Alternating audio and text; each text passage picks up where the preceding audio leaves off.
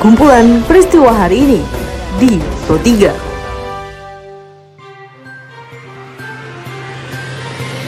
Halo pendengar, saat ini Anda sedang mendengarkan kumpulan peristiwa Pro 3. Pada podcast ini, saya akan mengulas terkait isu-isu aktual yang saat ini masih hangat atau ramai diperbincangkan di sekitar kita. Tentu saja pendengar nanti akan saya hadirkan cuplikan informasi dari reporter kami. Saya Tika Nantia, inilah kumpulan peristiwa Pro 3 di ruang dengar podcast Anda. Pendengar, sebelum saya masuk ke dalam beberapa isu aktual yang akan saya hadirkan sesaat lagi, saya mengundang Anda terlebih dahulu untuk mampir ke laman berita kami di rri.co.id. Anda juga bisa memfollow sosial media kami di Instagram, Twitter, juga Facebook dengan mengetik at RRI Programa 3 di kolom pencarian Anda. Baik pendengar, kami awali dengan berita seputar bahan pangan menjelang Idul Fitri tahun ini. Stok beras di gudang Bulog seluruh Indonesia ada sebanyak 1,4 juta ton. Dan dengan ketersediaan sebanyak itu dapat dikatakan bahwa persediaan beras aman.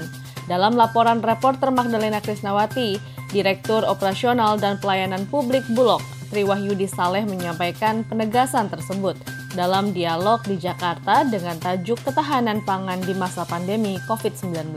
Karena kami sedang menyebarkan stok secara nasional, Meskipun kemarin sempat beredar isu ada tujuh provinsi defisit beras, alhamdulillah karena sudah tugas pokok bulog, tujuh provinsi tersebut sudah jual kembali artinya sudah ada stok cukup. Saat ini sebenarnya ada musim panen di mana suplai harusnya berlimpah dan harga harusnya turun. Yang menarik bahwa sekarang ini musim panen tapi permintaan tinggi sehingga harga sekarang masih di atas HRT untuk beras. Tapi kami tetap melaksanakan stabilisasi harga Pendengar melalui gugus tugas percepatan penanganan COVID-19, pemerintah kembali mencatat jumlah penambahan kasus positif di tanah air. Reporter Safira Amalia melaporkan, juru bicara pemerintah untuk penanganan COVID-19 Ahmad Irianto menyampaikan hingga Senin 18 Mei 2020 sudah ada terdapat penambahan sebanyak 496 orang, sehingga akumulasi menjadi 18.010 orang. Berikut penjelasan oleh Yuri konfirmasi COVID-19 positif naik sebanyak 496 orang sehingga menjadi 18.010 orang. Kasus sembuh meningkat 195 orang menjadi 4.324 orang. Kasus meninggal 43 orang sehingga menjadi 1.191 orang. Sudah 389 kabupaten kota di 34 provinsi yang terdampak. Pendengar saat ini pemerintah fokus pada pelarangan mudik dan pengendalian arus balik pada pekan ini hingga dua minggu ke depan. Sebagaimana hal itu dilaporkan oleh reporter Rini Hairani.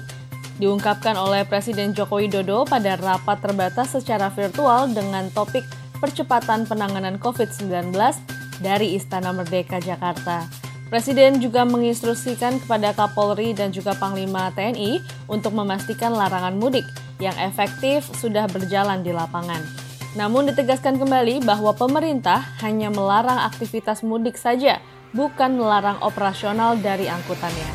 Dalam minggu ini maupun minggu ke depan, ke depannya lagi, dua minggu ke depan, pemerintah masih akan tetap fokus pada larangan mudik dan mengendalikan arus balik. Oleh sebab itu saya minta kepada Pak Kapolri dan juga dibantu oleh Panglima TNI untuk memastikan larangan mudik ini berjalan efektif di lapangan.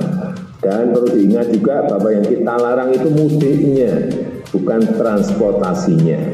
Karena transportasi, sekali lagi transportasi untuk logistik, untuk urusan pemerintahan, untuk urusan kesehatan, untuk urusan kepulangan pekerja migran kita, dan juga urusan ekonomi esensial itu tetap masih bisa berjalan dengan protokol kesehatan yang ketat. Kita beralih ke informasi luar negeri, pendengar reporter Asmawati melaporkan bahwa mantan Presiden Amerika Serikat Barack Obama ini mengkritik para pemimpin Amerika Serikat saat ini terhadap respon negara itu dalam menangani virus COVID-19.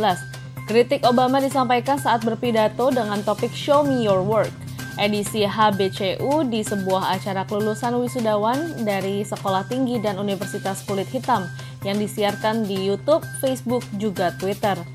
Di dalam pidatonya, pendengar Obama mengatakan bahwa yang dilakukan oleh pemerintahan Amerika Serikat sangat bersifat politis, dengan menunjukkan tidak pura-pura dalam bertindak tidak bertanggung jawab.